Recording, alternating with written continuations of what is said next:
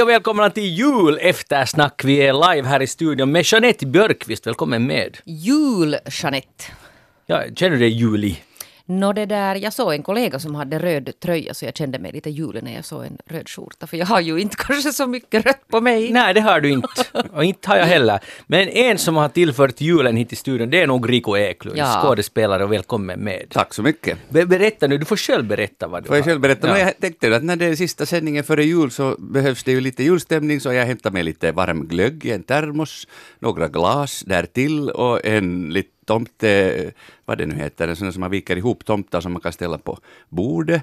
Sen är här en liten sån här eh, tomte, sån här, som Julkula. spelar.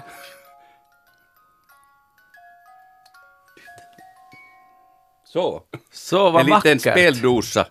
Eh, och eh, sen har jag min kusin som bor i England hämtat sådana här, vad heter de nu, min, min, mince pies eller vad heter de här, sådana speciella engelska juldelikatesser. Och hembakta havreflarn har vi här också. Som jag har bakat själv faktiskt. Ja. Och jag skulle... Uh, ja, det du har tillfört, det är ju helt fantastiskt. Tack. Varsågod. Uh, och det kommer att höras i sändningen att vi kommer in i julstämningen tack vare Rico Eklund. Men jag värderar allra högst havreflarnen. Alltså utan vidare, jag älskar havreflarn och speciellt sådana som någon har gjort själv. Tack Rico, det här värmer faktiskt. Och däremot, och sen, för nu var det eftersom jag är lite för ärlig, och ofta så skulle jag sätta sist på listan de här engelska pajerna. Ursäkta nu. Patrik, Ja. om du lyssnar. Jag är ledsen Patrik, men, men ingen var med säga, men jag sa det ändå. Men havreflarn är fantastisk och, och jättegod Glöggen är stämning. god då. Glöggen är jättegod. Och det måste man ju också erkänna att varken Jeanette eller jag hade gjort någonting för att skapa julstämning här i Nej men studion. vi har hyllat Rico. Ja. här och vi Eklund, du är fantastisk. Ja, jag heter Magnus Lundén, Eh, jag är inte så fantastisk i den här frågan i alla fall. Vi är välkomna till Eftersnack. Vi ska tala om veckan som har gått och eh, kanske lite också om vad som komma skall. Det försöker vi väl alltid. Nu hittar jag lite havreflarn här i min stol. Det betyder att jag har mumsat flitigt. Hej, Trump ställs inför riksrätt. Trump. Trump ställs inför riksrätt. Vad tycker ni om det? Kommer att ställas. Jag vet inte var jag ska börja. Ta ett havreflarn. Jag tar ett havreflarn, men eh, sannolikt fälls han ju då inte. Så Nej, det är frågan ju är ju om det är någon idé. Men å andra sidan tycker jag ju det, eftersom det finns orsak att ställa honom inför riksrätt så, så måste man göra det. Men det kan ju hända, nu när man har tittat igen på vilka tal han har hållit hos sina supportrar så, så finns det ju helt klart igen en gång flera sanningar. En riktig sanning och sen en sån här alternativ sanning. Men det som jag gärna Mm. ska höra, alltså någon sån här adekvat analys på, är det att, att kan det här alltså påverka hans chanser att bli omvald? Alltså, jag menar, kan han ställa upp helt som om, om ingenting skulle ha hänt? Absolut, för han kommer att bli friad. Och sen blir han vald? nu är det Kanske. ganska stor chans att han blir omvald. Ja. Uh, så och det är ju det att nu måste de bara se till att som man är republikan att de ställer till en fin show, snabb och fin och effektiv show i senaten så, så att det framstår som att han är ett offer och det bara är politik. Och jag tror att de har nog ganska stor chans att lyckas i det. Att Demokraterna har ju inte ett lika effektivt sådant maskineri och de är inte lika uh, vad ska vi säga, enade sådär totalt i ur och skur. Att det är helt fantastiskt hur han, Men det finns ju presidenten alltså- har lyckats i det här. Det finns ju alltså någonstans i, i andra länder kan det ju finnas någon slags sån här moralisk kod. Vilket betyder att om, om du har liksom gjort någonting som, som ens uppfyller den här, de här kriterierna så att du kan ställas inför riksrätt eller något motsvarande sånt här. Så det brukar sen leda till att, att trovärdigheten far, förstår ni? Att oberoende av vad slutresultatet är. Jag menar man kan ju få avgå från, från poster. Till Ja. exempel i Finland utan att ha blivit fälld helt enkelt bara av det att, att konsekvenserna av att, att, att någonting.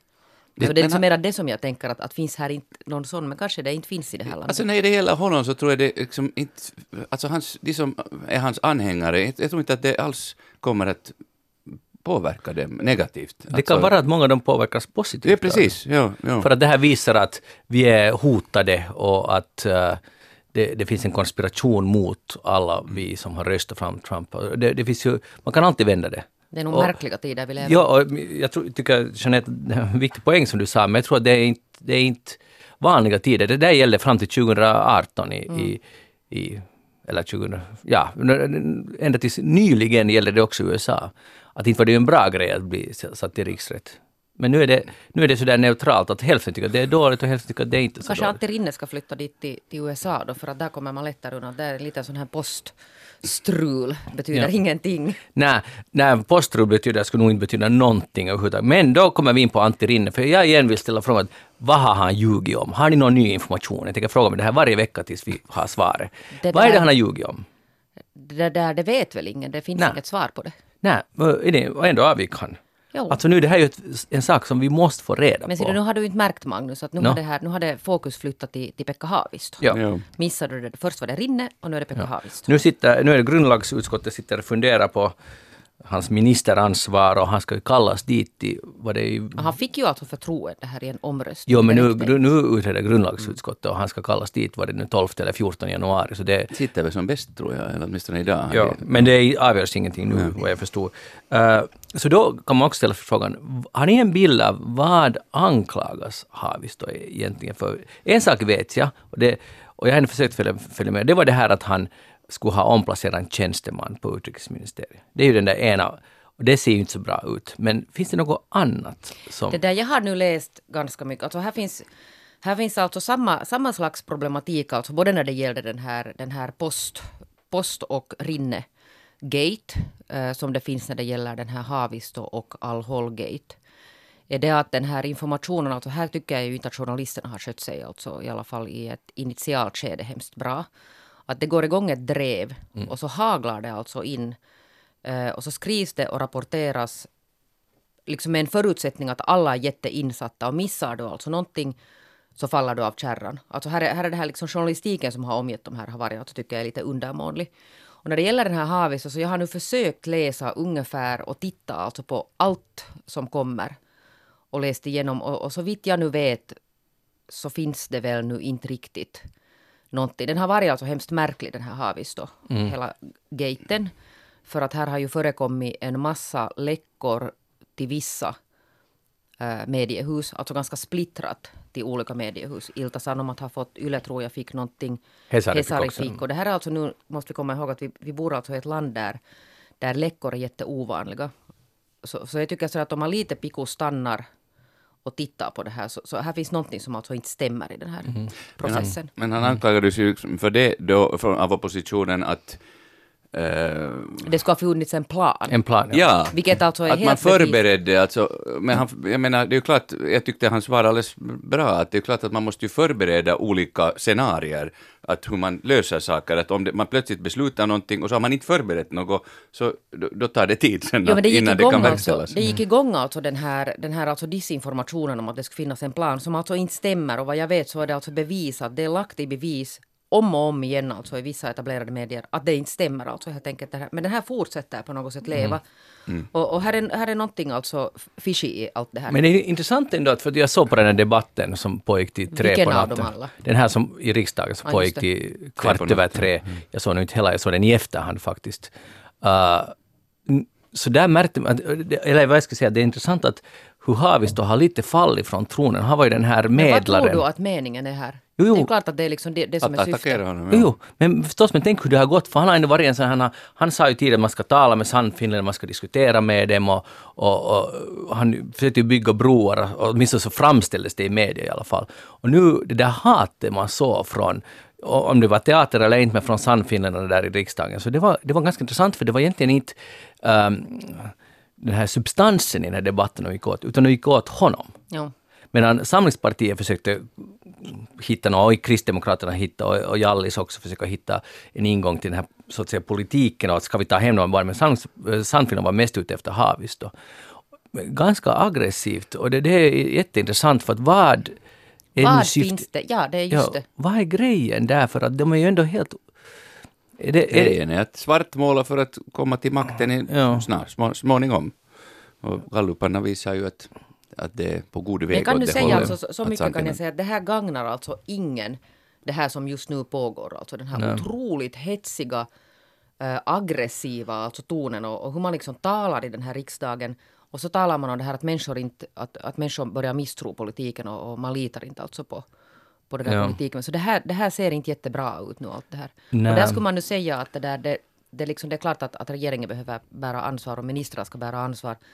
Men nu ligger det liksom till alla till, till last här att hur man beter sig i riksdagen, mm. också oppositionen. Men vad tycker ni, när Sanna Marin sa ju det här numera berömda uttalandet till, riktat till, mest till, främst till Samlingspartiet, skäms ni inte för vad ni sysslar med här?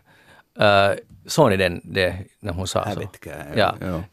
ja, eller ni borde skämmas, ja, ja. eller ja. skäms, ja. helt enkelt.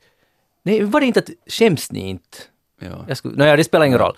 Uh, tycker, ni att, tycker du att det, att det är att gå över också? Det, där, det, det, var helt alltså, det var väl, det är helt i linje alltså med den ton som pågick förstod jag, fast jag inte mm. sett alltså hela den här debatten. Jag helt enkelt alltså, jag mäktar inte med att titta på det här, för jag vet alltså mm. det här, på något sätt, jag orkar inte med det här hatet mera. Mm. Jag håller helt med dig, och det, men det har liksom gått in på ett, ja, ett, ett annat spår helt enkelt. Eh, som är jätteobehaglig. Och jag, jag, jag, varit ganska ändå sådär, eller till min läggning nu i allmänhet tycker jag relativt optimistisk, men, men nu, nu, är jag nog inte så hemskt optimist när det gäller alltså vår politik och vårt samhälle över, överhuvudtaget. Att det, med Trump och med Putin och med, med, med hela Europa med de här extremrörelserna som har fått så starkt fotfäste att man, man liksom blir orolig, verkligt orolig för framtiden. Att går vi in liksom, eller liksom, ströskeln att det ska ske någon större katastrof, alltså en politisk katastrof och, och, och i slutändan ett krig, tycker jag blir risken blir större och större. Och sen måste alltså man komma ihåg en riktigt stor att det där, för, för jag, har, jag, jag, tycker själv att, att den här, hela den här Al-Hol-debatten alltså som har pågått, som inte egentligen alltså handlar om någonting mer, den, är, den, är ju alltså, den har ju gått helt överstyr. Och, och, här kan man ju nog tycka att medierna kanske inte heller riktigt har, har det där fyllt sin roll, säger jag fast jag är journalist själv. Men det där att det händer ju en massa andra viktiga saker. Och allt annat hamnar i skymundan för det här. Mm. Och, om man liksom tycker att, att jag överdriver nu så det är ju bara att gå och titta till exempel på, på finska Yles A-studio. Och så börjar man bläddra några veckor tillbaka. Vad har tema varit där? Mm. Där har suttit liksom mm dag ut och dag in hade suttit alltså människor, olika människor, jätteofta sannfinländare och så har de suttit och bråkat om den här Al-Hol-kvinnorna. Mm. Och där har också tonen varit otroligt aggressiv och, och bitsk och, och liksom eh, ofta helt osaklig. Alltså. Ja, och hur man har alltså svartmålat alltså de här människorna. Alltså nu, nu, har det, nu är det ju alltså tydligen då antagligen så att man har inlett en operation där nere och har fått alltså två sådana föräldralösa minderåriga barn. Och då fylls alltså Twitter av sådana här inlägg där, där av de här alltså hatarna, nu är de igång på att spåra att när anländer de här, de här barnen till Finland. Förstår ni att, att, att, det är ju helt sjukt? Ja, det är inte friskt. För, och jag, förstår inte, jag förstår inte hur man, hur man ens kan motivera för sina egna, de som stöder den. Vad är liksom tanken där? Vad är det man vill bevisa? Inte vet jag om det är någon bevisa? som stöder ens de här, alltså, men det här är sådana lösa anhängare ja. till, till vissa populära partiledare. Mm. Och jag menar, det, det är det här man hetsar till. Och det, och det är alltså faktiskt, alltså det är farligt det här. Ja. Utan alltså att förringa vad, vad, vad det där Isis har gjort. Det, liksom, det, det handlar inte om det. Men liksom det här är inte metoderna alltså hur man, hur man det där på något sätt åtgärdar de problemen. Nej, det där hatet, jag tror att de, man bara har lärt, man har tagit en playbook från USA och från Storbritannien, att, det, att man, man kan komma till makten med den där retoriken. Och det kan väl ske här i Finland. Jo, och det ska jag ändå säga att, det där, att om inte medierna tidigare liksom har förstått det här så lite liksom nu is i mm. hatten och börja fundera att vad är det man alltså går med i? Precis. Eh, jag skulle säga, på tal om att vara optimist, så det finns, det, det finns ju alltid dubbla, minst dubbla eller tredubbla budskap. Till exempel den här veckan gick Warszawa, Prag, Budapest. Alla är länder där, där nu de alldeles trevligaste krafterna har kommit till makten. Så gick städernas borgmästare de ihop och sa att de omfattar, omfattar inte sitt eget lands styre och inskränkningarna i alla möjliga rättigheter. Och att vi vill vara fristäder i Europa. De här huvudstäderna. Ja, de här mm. huvudstäderna. Och det var en jättefin sak. Ja, och, och, de är ju jätteliberala och så här. Och är helt mot det som till exempel just i Ungern och Polen, som den politik som drivs. Ja. Och de, Men i bästa fall så är det så att det aldrig går så långt nu den här gången. Mm. Alltså att det finns människor som på riktigt börjar sätta ifrån. Det här är ju jättefina nyheter. Ja, det, alltså, det finns ju alltid att jag skulle... Jo, bra. Tack det, för den ja, men nu finns det, Och sen är en sak som... Jag, jag, på något sätt, och det är också förstås den här tiden av året som eh, inte uppmuntrar till att vara så optimistisk när det är så jättemörkt. Mörkt så känns det liksom, sådana här frågor känns men mörkare. Tänk, ja, och, och, man måste ju tala om dem. Men tänk, vi tar nu det här lite banalt, men, men eh, på onsdag var det säkert den värsta dagen vädermässigt, i alla fall i Helsingfors. Och jag måste då åka till stan. eh, Och, och det var ju ösregn och spårvagnarna var proppfulla av människor som alla var våta och sura. Och nästa dag så var det strålande sol och jag kunde gå på min och springa i centralparken och då tänkte jag att det vänder alltid. Och jag vet att det är så här, man måste liksom ändå, för, att inte, inte, för det första ingenting förutbestämt. För det blir ju lätt som man tänker att när man ser det här så tänker man att okej, det, det, nu är det där spåret, det är det enda spåret. Men det, det funkar ju inte Nej, så. rätt. Att vi kan nog alla på något sätt påverka. Men en, jag skulle vilja fråga er, när Sanna Marin sa där i riksdagen, hon betonar många att, att, att vi jobbar för att Finland ska fortsättningsvis vara en rättsstat. Tycker du inte det är en positiv sak?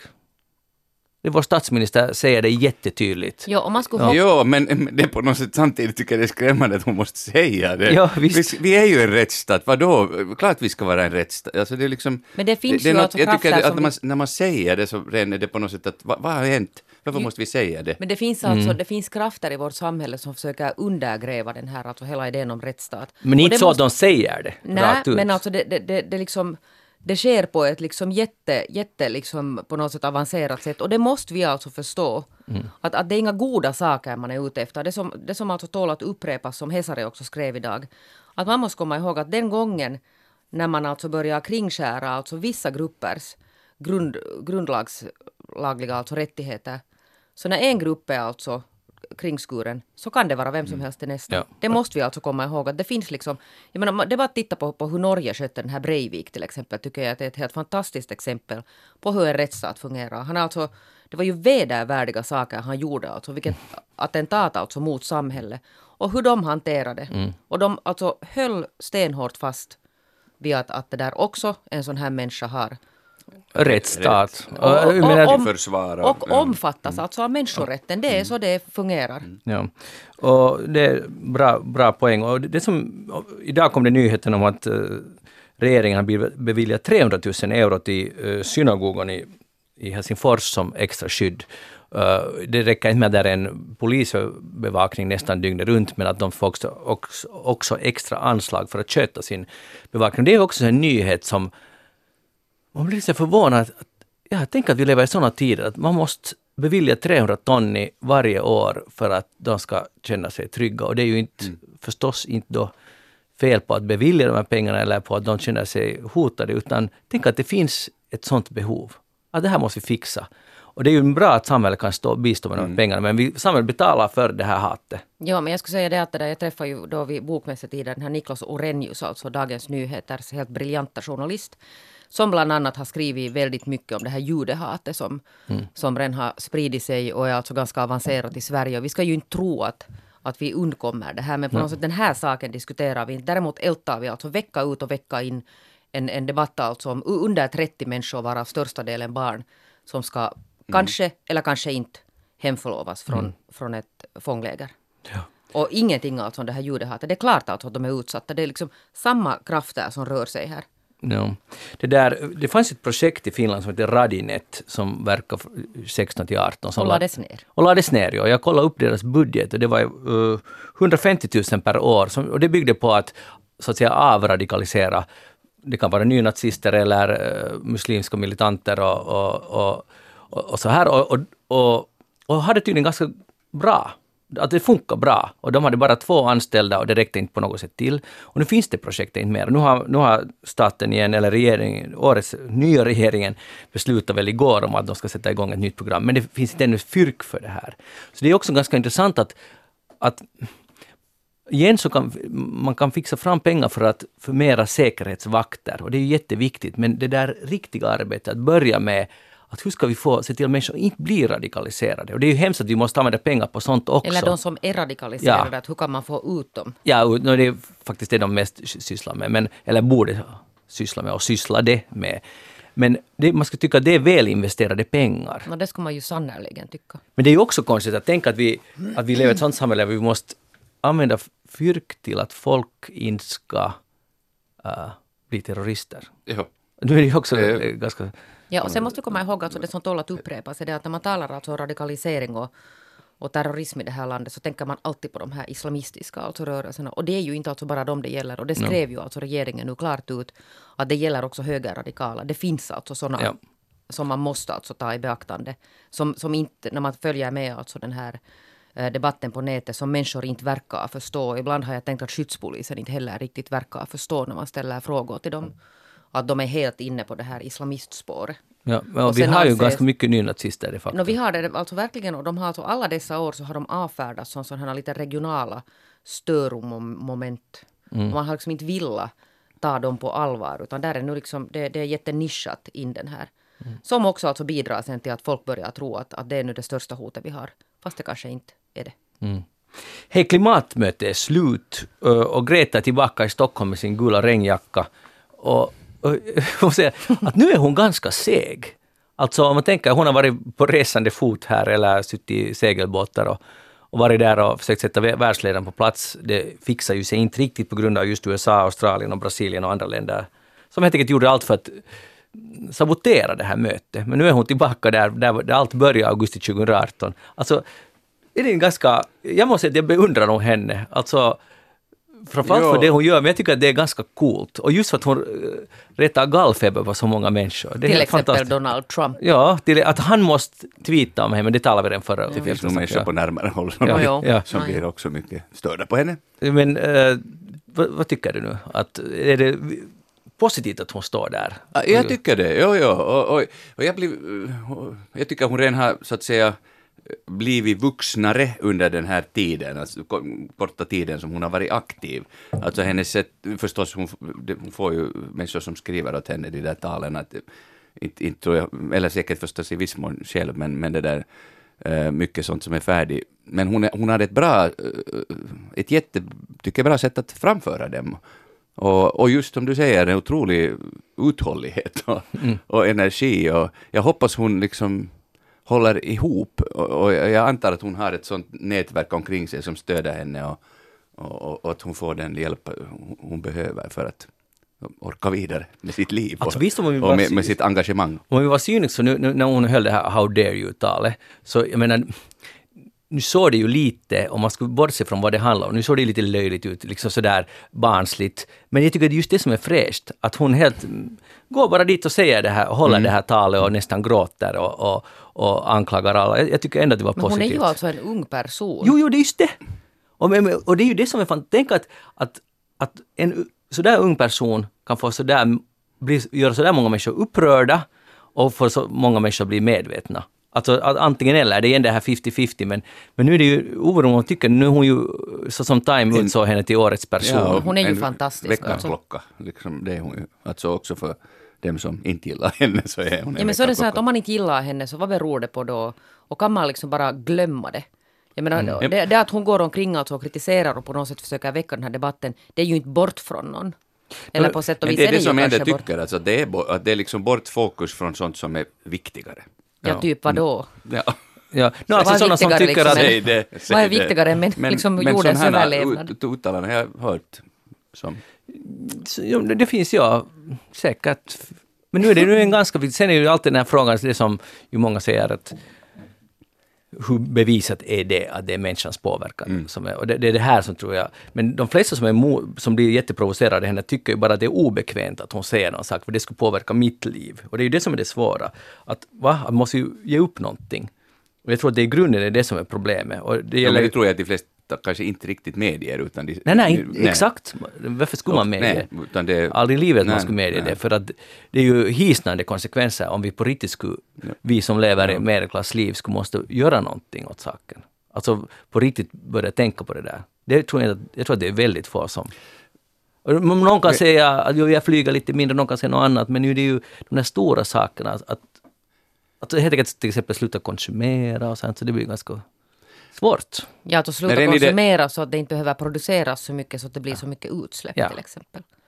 Vi hade en sån här eh, workshop på teatern, alltså på Svenska Teatern här i Helsingfors då, uh, för personalen, liksom om just det var tillsatt en sån här miljögrupp som funderar på helt små, små, små detaljer men också större. Och så, och så fick man liksom visionera fritt, uh, vilket kan vara ganska skönt, alltså, fast det är helt utopier. Och jag, jag var sommarlanda med där också och jag hade som en sån där, så, inte kanske så förvånande, ett historiskt perspektiv på det sättet att att om man tänker på Svenska Teatern som nästa år då det ursprungliga huset fyller 160, det var 1860 det öppnade. Och då, då var det väldigt klimatsmart egentligen för det värmdes inte upp. Mm. alltså det var bara foajéutrymmena som värmdes. Jag menar inte att vi ska gå tillbaka till det men någon, det, det tål att funderas på att vad, vad sätter vi energi och, uh, på till exempel och, och hur återanvänder vi och sådär. Och man använder, dekor använder man alltså på nytt och på nytt samma dekorer. Och det, och det var vissa sådana malldekor, som om det var en bondstuga så kom det alltid varje pjäs där det var en bondstuga var det den samma bondstugan som mm. damp ner en sån här fond. Och ett slott så var det slottet och, och så vidare. Och kläder använde på nytt och på nytt, att var det en stor balklänning så hade då en viss skådespelare den där ena balklänningen och sen måste hon låta sy upp en till om det skulle komma en ny. Så att man använde väldigt mycket, och det här pågick ju nästan i hun, nästan hundra år. Att det först, så att jag tror att i all, alla små grejer kan vi fundera på hur man kan eh, gå, på ett sätt gå tillbaka, för att vi har återanvänt tidigare eh, varit, så att säga, inte konsumera på det absurda sätt som vi gör idag. Så är det. Uh, Jeanette Björkqvist, vad har du tänkt på den här julveckan? Nå hör du, jag tänkte alltså faktiskt redan för några veckor sedan så ramlade jag över en artikel, sån här, det är ju sån här typisk sån här social mediejournalistik i Iltalehti. För då var det så att, att en kvinna som, som kallas Anne 32 i Kotka. Mm. Så hon hade gått, ni vet det finns sådana julinsamlingar för sådana mindre bemedlade barn ja. Eh, och familjer. Och hon hade då gått till någon sån här joulupu-insamling och där hade det varit alltså sån här gran och så hade det hängt lappar där liksom min, mindre bemedlade, alltså fattiga barn hade fått skriva sina julönskemål. Och sen var hon alltså helt i chock och det var liksom rubriken var också någon sån här chock. För att de här fattiga barnen hade då önskat sig en massa alltså svindyra saker. Att det hade varit alltså någon nyaste iPhone, äh, märkeskläder och sen någon 11-åring som hade önskat sig alltså en sån här Gucci ryggsäck och, och då var Anne, 32, i Kotka jättearg och tyckte att det var ju helt hutlöst att, att, att hur täcks man önska sig sådana här saker.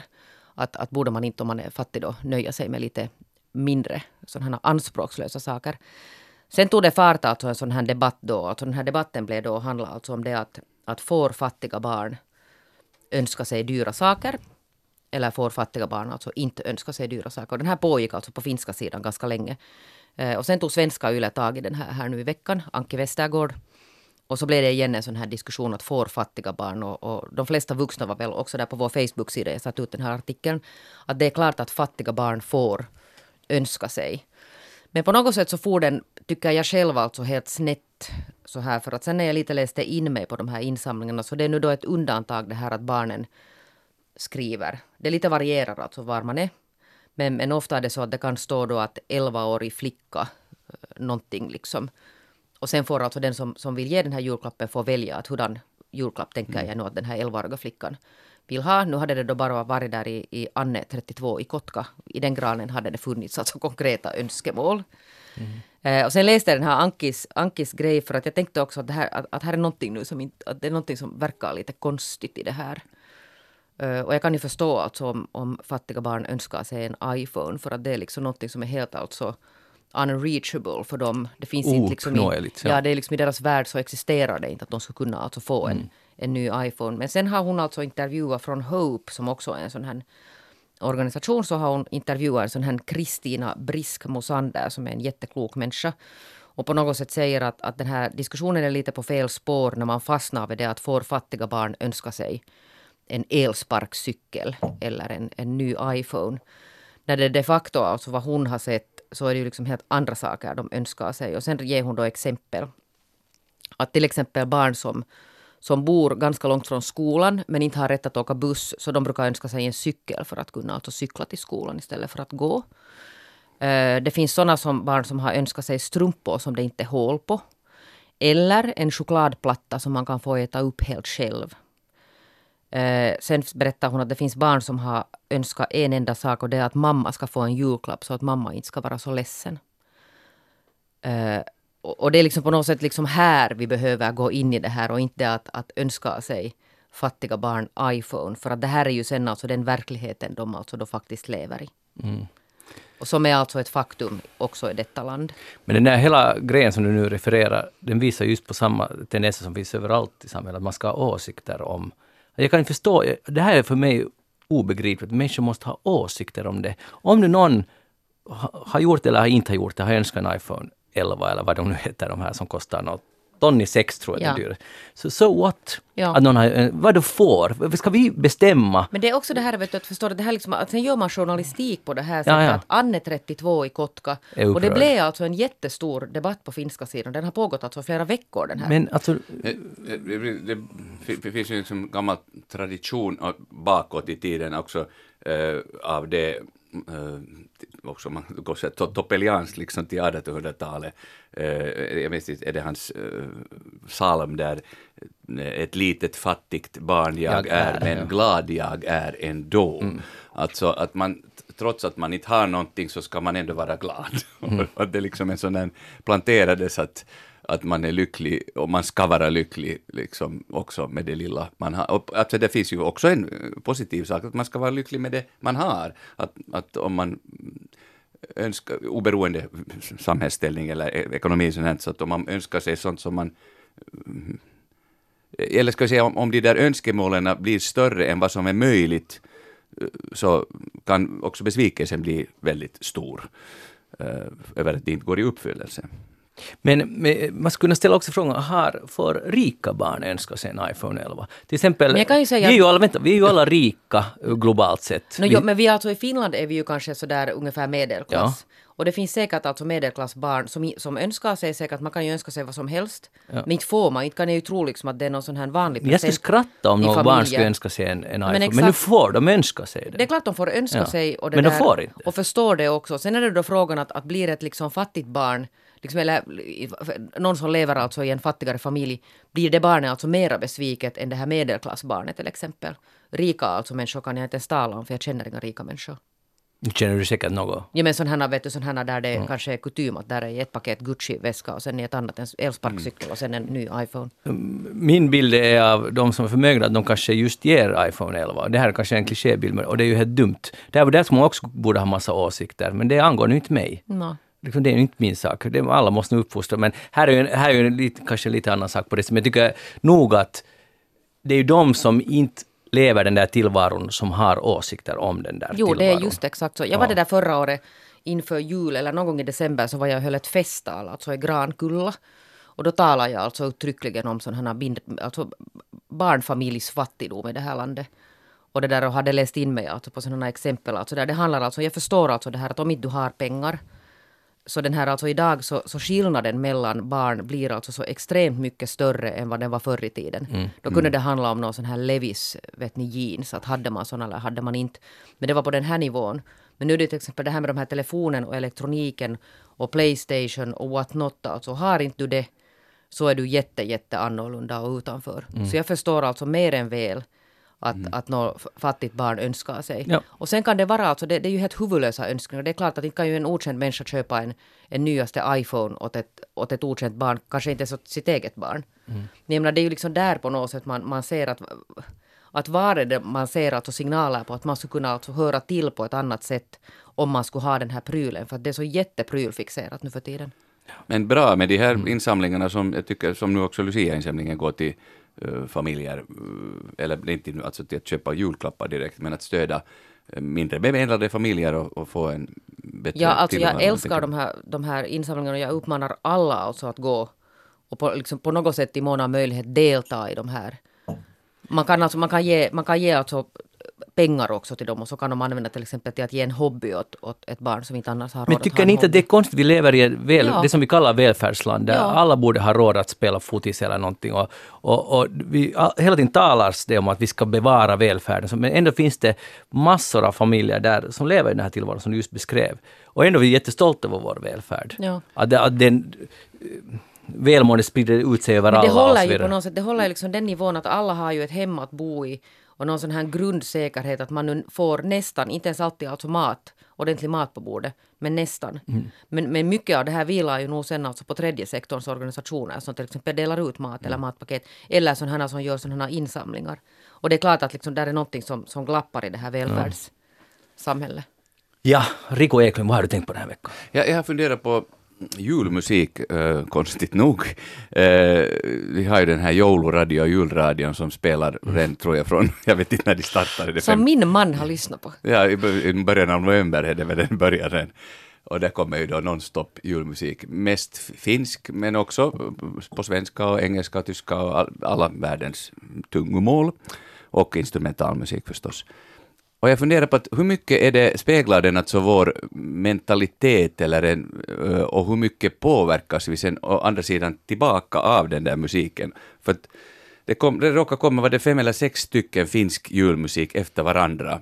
Och, och det var allt i moll. Ja, och då, då är det ju alltså en glädjens fest vi firar ändå julen, oberoende om man, om man sätter religiösa förtecken, men framförallt då Jesus Kristus äh, har kommit till jorden. Och så sjunger, alltså texten är oftast också på finska positiv, men så Jesus lapsi syntyi uudelleen, nu sydämen i joulun te. Alltså inte låter det ju hemskt lyckligt inte. Eh, och då funderar jag att, att är det man, man blir lycklig en, en, eh, och här känner jag någon slags sån här kanske om man generaliserar, en kulturell Ja, skillnad. jag är med dig, Rico, här. För att jag är liksom eh, nu gladare, tycker mer om de där gladare som, vet du, klang de vackra bjällrar i den sena kväll, spring deras skaffål över mo och fjäll, som är så här överhurtig kan säkert många finskspråkiga tycka. Och, och jag, men ja, ja, ja, ja. nå du också. Ja. Eh, Och visst tycker jag också om de här, eh, en av de absolut populäraste julsångerna på finska är den här eh, Sparven på julmorgonen. Eh, min mans favorit. Ja, och det, den går också i moll och det är liksom... Det är hemskt alltså. Det är ju riktigt Varpunen, sorgligt. det är liksom, och det är ju, där är ju texten jättetragisk, trots att kompositionen följer texten. Men jag, funderar att, att ma- matas vi sen av den där, liksom, mm, hur mycket är vi så där? Och, och nu är det här att det är ett generaliserande, men nu ser vi ju redan att vi har olika, lite olika läger här. Men, men, men jag är helt klart liksom ändå mera för den där gladare julmusiken och, och och känner att den, känner mig hemma och att, och att den på något sätt det blir en konstig diskrepans mellan när musik och text går helt mot varandra, att man sjunger om någonting jätteglatt, men sen är det, låter det som en begravningsmusik. Så vi har ju den här, alltså, vi har en sån här Spotify, alltså jag går med på att en dag per år kan man spela julmusik i vårt hus. Och det är då julafton. Och vi har ju sådana här, alltså, sån här, alltså det blir ju sådana här på något sätt styrkemätningar där för att, för att min, min finska man vill ju höra bara på de här då. Och jag sa att men det här är ju liksom helt otroligt sorgligt, att man blir bara nedstämd. Och sen håller vi på, sen spelar jag några så här glättiga, jätteglada alltså eh, svenska sånger och sen är kompromissen då att man spelar några glättiga, glada engelska sånger för att inte någon ska sådär språkligt. Ja. Och sen kan han få in sin varpunen där då. Sån här, en, en liten droppe av här och en annan Ja. där, för att annars är det, det är bara så att man blir sådär... Jag tycker också om de där, men, de, men det är liksom proportionen är kanske en sån där deprimerande och fyra Ja, men exakt. så. Men att sen när det kommer liksom nio, nio i moll och så kommer det en sån där glad som Och så ska inte man vara är så glad. snabb heller. ja, och så ska det vara sån här gärna liksom lite barnens glada fest där. långsam. Men får jag säga att det skulle aldrig falla mig in att spela någon julsång i moll. Alltså varför, jag förstår inte alls den, så jag håller på det håller jag helt med. Men, men sen tycker jag att den här rikssvenska, alltså jag älskar den därför den är så överdriven, det är så käckt och det är ju, liksom, det är ju löjligt. Men jag brukar också pina min familj några dagar och jag spelar såna gamla ringlekar, jag har på LP sån här och spelar dem och alla blir ju helt tokiga för det är så överhurtigt och jag går helt in i det för det är liksom, det är ju teater. Det är teater, alltså det är ju helt ju hej hej hå, kappring, hoppa gå. Ja, men man, jag tycker att man får energi. Förstås att om man är färdigt deprimerad så, så kanske man reagerar just motsats.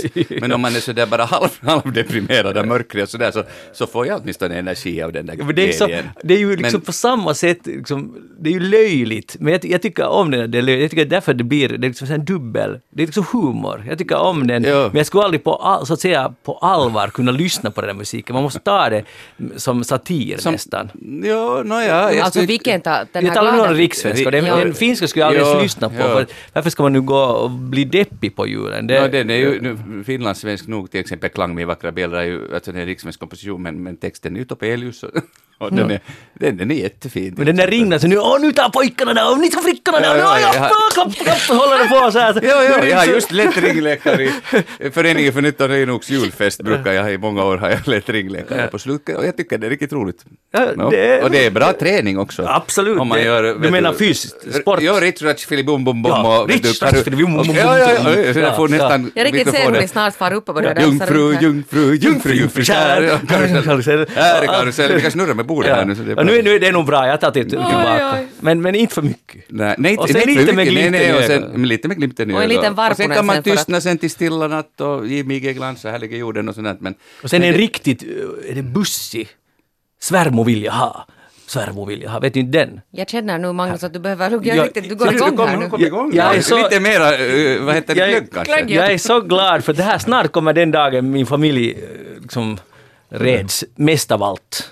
Det är Den 23 tror jag det här blir dags. Hem nu tänker jag gå vidare så vi inte sjunger vidare. Uh, förlåt att jag en lite jobbig sak men Harvey Weinstein, eh, den här filmmogulen. Jag vill bara säga att han gav en intervju den här veckan. På tal om att inte ha distans till sig själv, inte för att vi har talat om det, men, men i alla fall vi kan ju tala om det. Uh, han, har, han har ju då blivit anklagad av alltså, tiotals kvinnor för sexuellt ofredande. Jo. Riktigt allvarliga anklagelser. Han har också gjort upp med 12 av dem och måste uh, kasta ut med 25 miljoner dollar för att det skulle bli fred med dem, men på annat håll så fortsätter de här domstolsbehandlingen. Men i alla fall, han sa i en tidningsintervju den här veckan att att han förstår inte alls att, hur det har gått så. Att han har blivit helt eh, bortglömd för allt det goda han har gjort för kvinnor.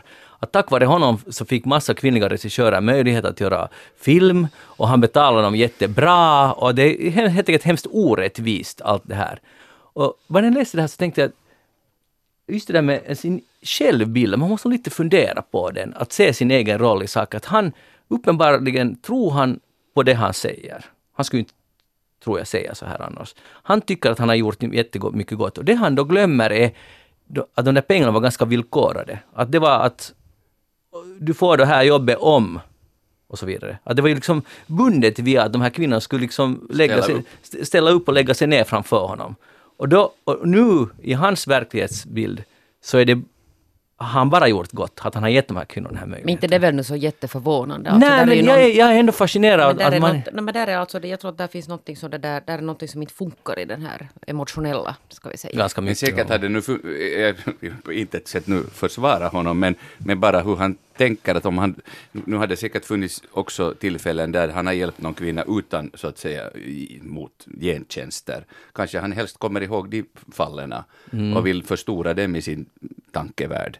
Alltså att det inte alltid har Men att vi talar om tiotals kvinnor, så försöker han också hänvisa ja, till... ja. Alltså det blir bara nästan patetiskt och det är sorgligt för honom personligen förstås. Men det är också mycket sorgligt för de som blir utsatta för det här. Men han har också sagt att han har, han har faktiskt donerat 100 miljoner dollar till det här 9-11-arbetet efteråt och han har Mm. gjort jättemycket gott i livet. Men igen att det visar på att man inte har den där...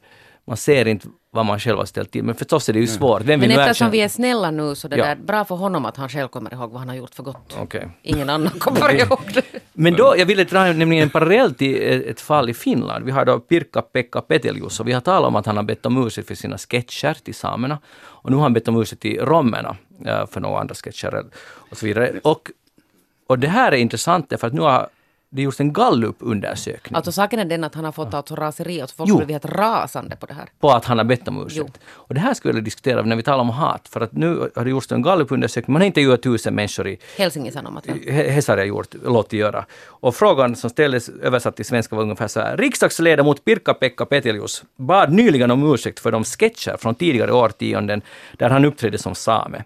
Agerade riksdagsledamoten korrekt då han bad om ursäkt? Ja eller nej ska man då svara på den här frågan. Och 57 procent, om jag, ja, 57 procent tycker att han gjorde fel i att be om ursäkt. Medan endast 29 procent tyckte att det var helt okej och 14 procent kan inte ta ställning till den här Jag frågan. hoppas att Helsingin Sanomat har fått den här som att en sån här bonuspresent för att de har liksom gjort som en liten julklapp. Jag hoppas de inte har betalat för en sån här, No, de har nog sån betalat. här bajsundersökning. Ja, jag bajs- förstår inte alltså hur de tack. har ens underkastat sig att det där göra en sån här. Ja. Ja, jag tycker också att det, det är också för, det är så att förenkla frågor att ställa sådär jo eller nej. Ja. Alltså, jag tycker det är irriterande att man gör en sån här undersökning. Jag tycker i, i och för sig alltså, är helt bra att han bad om ursäkt, men å andra sidan, eh, eh, hur långt tillbaka ska man gå? Alltså, Förstås, det är ju han, han jobbar då redan som skådespelare, han jobbar fortfarande, delvis som det också, förutom att han är riksdagsledamot. Eh, men, men värderingsgrunderna ändras lyckligtvis hela tiden och det, det var helt annan uh, värld. Uh, jag minns inte exakt när det gjordes, slutet av 80-talet kanske. Ja. Och det är ju alltså 30 år sedan och mera. Det, det, det, var en helt annan värld, så det där uh, ska Brunberg be om, alltså företaget be om ursäkt för sina kyssar, vad de hette tills för, vad det nu var, 10-15 år sedan. Uh, det, men, men, men, men nu tycker jag du, det där är ett sidospår. Det där är, det, du, jag, tycker, jag håller helt med dig. Men är det inte igen Pirkka-Pekka får själv avgöra om han har morkis för vad han har konstnärligt gjort. Och, och, så då går han och ber om ursäkt. Absolut, det är hans absolut. sak. Jo, jo, jo, och han det, har gjort jo. det. Och, han, och det menar just i förhållande till Weinstein, som tvärtom lyfter fram allt gott han har gjort, liksom som, och helt negligerar allt, all ondska han har spridit. Så här, det är inte alls samma sak. Men, sen Men jag... förstår ni vad jag menar? Jo, jo, och det är den... klart att han har rätt att, ja. att, att, få be om ursäkt. Det, ja. det, är ju ingenting, så det är på, på det sättet sant att varför... Och sen tror jag alltså att det är inte så att de som är rasande är ju inte alltså vad jag har förstått samerna eller, eller romerna som heter väl romerna ja, ursäkta, nu för tiden. Okay. Ja. Utan det är alltså en massa andra människor som inte har något med det här att göra. Och de som är mest upprörda är de i ungefär 50-årsåldern och äldre som har skrattat åt de här sketcherna. Och vi känner oss träffade. Så att om man skulle säga att han gjorde rätt så säger, är man också självkritisk. Och det är det som den här vågen skulle komma till. Självkritik och självdistansering är jättesvårt. Och därför tror jag att 57 procent av finnarna, för det är ju att säga att, att jag är själv på något plan skyldig, och skyldig eller mm. borde be om ursäkt mm. eller hur tyckte jag att det var roligt. Förstår ni? Det, det blir så svårt. Mm. Och, en, en, annan sak, jag tror att jag, tror jag nämnde det faktiskt då, skulle det ha varit fjolåret, jag minns inte när det var, men, men alltså de här Tiernapojat, eh, som inte direkt har någon svensk väl namn, men det är ju inte stjärngossar på det sättet som på svenska, men ni vet den här traditionen jo. från Uleåborg. Och då finns det den här moren som då har ett svartmålat ansikte, och det fortsätter man med fortfarande idag, utan alltså... Men det kom ju alltså just någon sån här, någon hade alltså meddelat att de slutar med den här alltså skokrämsmålningen. Skokrämsmålningen, men jag såg till exempel alldeles just i centrum av Helsingfors stod det en sån här Tiernapojat-grupp med svartmålat ansikte. Och och, och, då är det jättemycket för att det är klart att vi i Finland har ju alltid gjort så här och inte är det här något rasistiskt och, och att det man har hittat på det. Och där är just att man inte hänger med liksom, att värdegrunden har förändrats. Mm. Och då måste man, och man kan ange det där att, han, att det var en mor och han var svart på något annat sätt än att måla ansiktet svart som ju är, som vi vet det här blackface och och har en klart liksom rasistiska förtecken. Men det är ju så här oförmåga nog att, som du sa, tycker jag, att anpassa sig, förstå nya tider. För tiderna förändras och saker som förut, helt som du sa. Ja, och jag, och jag själv uppskattar traditioner jättemycket, ja. men det finns ingen tradition som man inte skulle kunna också förnya. Mm. Alltså, som den här. Jag hade där 1994 eller 95 någon gång då så har jag gjort alltså tv-program om rasism i Helsingfors. Eh, för en sån här neuro, det var en sån här inom studierna. Och det där, då uh, ställde jag dåvarande inrikesministern mot väggen gällande just Brunbergs dessa kyssar som då fortfarande hette någonting helt en annat. Kyssar. Och, det, där, och det, det, är ju just den här förklaringen, den, den, är liksom, den är inte någon ny den här. Men vi har inte menat någonting och vi menar inte mm. den här ordet. Och jag upprepar, jag har sagt det här säkert flera gånger i det här programmet, att det är inte majoriteten som definierar vad som är kränkande. Mm. Det är nu bara tyvärr inte så. Mm. Det, det, har inte direkt med det här att göra, men ändå med att, vad, vad tyckte ni om Leif Segerstams inom citationstecken ursäkt. No just inom citat, jag, jag känner inte alls till det här fallet, bara vad, vad har skrivit, det som har skrivits i huset, men det störde mig hans eh, så kallade icke-ursäkt. Och det är precis som Australiens uh, premiärminister som nu firar semester i Hawaii medan Australien brinner. Så han sa också, han ber om ursäkt om någon har mm. blivit kränkt. Och så sa ju också Segerstam, det var ju samma. Ja. Vad tycker du om den? Nej, jag tycker bara att man, en ursäkt så ber man om ursäkt och ja. inte, inte med något Antingen för, eller? Antingen eller, ja. men utan förbehåll. Utan ja. jag ber om ursäkt och inte. Hej, eh, nu har vi talat om, om problem, men det finns lösningar. Oj. Och, här, och jag, jag har en Robot. ny idol som jag faktiskt, alltså, om jag skulle kunna skicka en blomma till honom eller någonting. Så det där, eh, en man som bor i Orlando i Florida, så han fick tyckte att det är någonting fel med vårt matsystem liksom i, i, i världen. Att det, man äter processerad mat och det är industri, industriellt producerad och så vidare. Så bestämde sig att han tänker leva ett år på bara vad han själv kan liksom producera. Han ska inte gå på krogen en enda gång, han ska inte köpa en enda sak. alltså mat.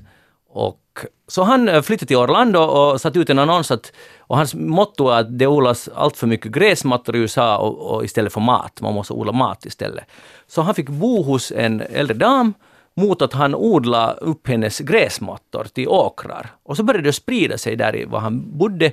Så han har skött om massa olika grönsaksland och då har han alltså, och så har han fiskat själv och plockat svamp.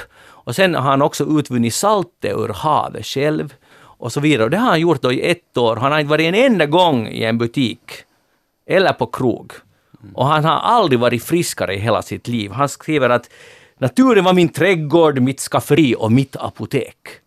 Och nu vill han sprida det här budskapet. Han säger att han förstår att vi inte alla kan leva på det här sättet. Men glädjen får han också sprida ut i, just på tal om fattigare familjer, att ni kan odla maten själva och jag hjälper er. Och han har liksom fått 15 familjer odla, odla mat själv. Och han sa att glädjen hos barnen när de ser att det kommer upp en morot, eller moroten kommer ju inte upp men det, det nu kommer, blast eller vad det heter, de här bladen som kommer upp därifrån. Ja, det är rätt ord. Ja, så river man upp morötter därifrån. Ja, den glädjen är helt obeskrivlig. Och det här är action. Istället för att gnälla, sitta i eftersnack och snacka, så gör man någonting. Jag ser redan framför mig hur det här kommer att sluta för Magnus del. Ja, nu är det liksom odlar bort i med, Centralparken. men bort Ja. med de här barfota-idéerna. Nu är det liksom odla mat själv. Nej, både och! Men du gör Ja, väl det- vid lerhyddan i parken? Naturligtvis, Ja. men, men det här är ju verkligen, jag är faktiskt en amatör, min fru är lite bättre, men det här är ju proffs.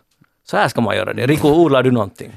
I Mycket liten skala, men dock på, ute i Var skärgården, på Sandholm, ute Ja. i Nagu ytterskärgård. Ja. Okej. Och jag tror att jag kan, alltså de, de senaste jularna vi har firat där ute, nu kommer vi inte att vara med och åka ut där i mellandagarna, så, så har vi tagit upp nypotatis alltså vid, vid jul och ätit alltså Aha. färsk nypotatis Wow. vid, till, till julbordet. För det här är just det att klimatet, eller vädret i, eh, är- klimatet i Florida är lite annat, så han kunde odla alla möjliga exotiska frukter också. Och jag vill bara säga att sen i ett skede märkte han att han får för lite fett och proteiner, så då började han samla upp alltså påkörda hjortar som hade strittat från motorvägen. Roadkill. Ja, och så tog han det och gjorde bra biffar åt sig. Och det är hyllning. För det är ingenting går till spillo. Bra va, Jeanette? Jättebra. Ja, bra, bra. Hej, nu har vi en, ett extra program här och Får vi jag måste bara lite säga skynda på. snabbt No, det att- måste nog gå Jag snabbt. säger snabbt det att de som har julångest, det går snabbt förbi om man känner sig ensam och så Ja, bara ut och dansa, ringdansa Nej, bara inte så blir det bra. utan om man, men det är, det är bara kort stund, sen Okej. går det över. Här är en julsång skriven av Lars Huldén. Det snöar inte vackert alla jular med dun och fjädrar, hela vingar som dalar ned. Det kanske regnar, stormar, kanske åskan mullrar, men ändå är det jul när det är jul. Det lilla torpet i den djupa skogen där julen kom med enkel glädje är inte vårt. Vi bor i staden, jäktar, stressar inför kvällen, men ändå är det jul när det är jul. Det klingar inte särskilt många bjällror på vägarna en juldagsmorgon i våra dagar. Och dansar vi runt granen kan vi störa grannen, men ändå är det jul när det är jul. Om julen skulle alla vara hemma, men många gånger kan det hända att kretsen bryts och saknad efterlämnar dessa som har flyttat. Men ändå är det jul när det är jul. Det föds ett antal barn varenda julnatt. Men knappast bättre hopp för världen än det vi har. Och ingen stjärna visar världens visa vägen. Men ändå är det jul när det är jul. Oj, bra. Tack, Rico. Tack Rico Eklund. Du, alltså det kan man säga, du har nog stulit showen idag. Det här Ja. havreflarnen plus det där. Jag, är, jag är Han rörd. kan det här. Ja, han kan nog det. Och vi måste meddela med eh, att eftersnacket tar ju nu julpaus, för det är jul. Ändå är det jul. Så vi har paus till 10 januari och det är alltså inte en eh, show på Lilla Teatern nu den 27 som det var i något skede prat om, utan det är uppskjutet för vi har kanongäster på kommande som inte kunde komma då och det är uppskjutet till våren och vi återkommer om det datumet. Så nästa gång vi är här och snackar är 10 januari, tills det ska vi börja odla- 2020. 2020 vi ska börja odla våra marker. Uh, se till att åkrarna är i skick. Eller var Jeanette tills dess. Sibeliusparken. Sibeliusparken, ja. Där. Inte det är nu helt fel, nu skulle det kunna fixa sig på något sätt. Och nu har vi ju en fantastisk, en annan tradition som vi ska uppfylla här, att vi ska höra på Hosianna på samiska, och det är den riktiga eftersnacks julfred som utlyses. Jeanette Björkqvist, tack för den här härliga säsongen. Tack själv. Det har en glädje att sitta här, här med dig. också. Men får jag, jag tackar nu först dig. Jo, tack. det har varit en glädje att sitta med ja, dig också, ja, Magnus. Nåja, där kom det. Och tack Rico Eklund för allt vad du har gjort för julfriden i eftersnack. Tack så mycket, god Ja. jul till alla lyssnare. Ni får gärna e-posta oss på eftersnacksnabelayle.fi eller gå in på vår Facebook-sida, facebook, facebook.com eftersnack och tycka till om julen.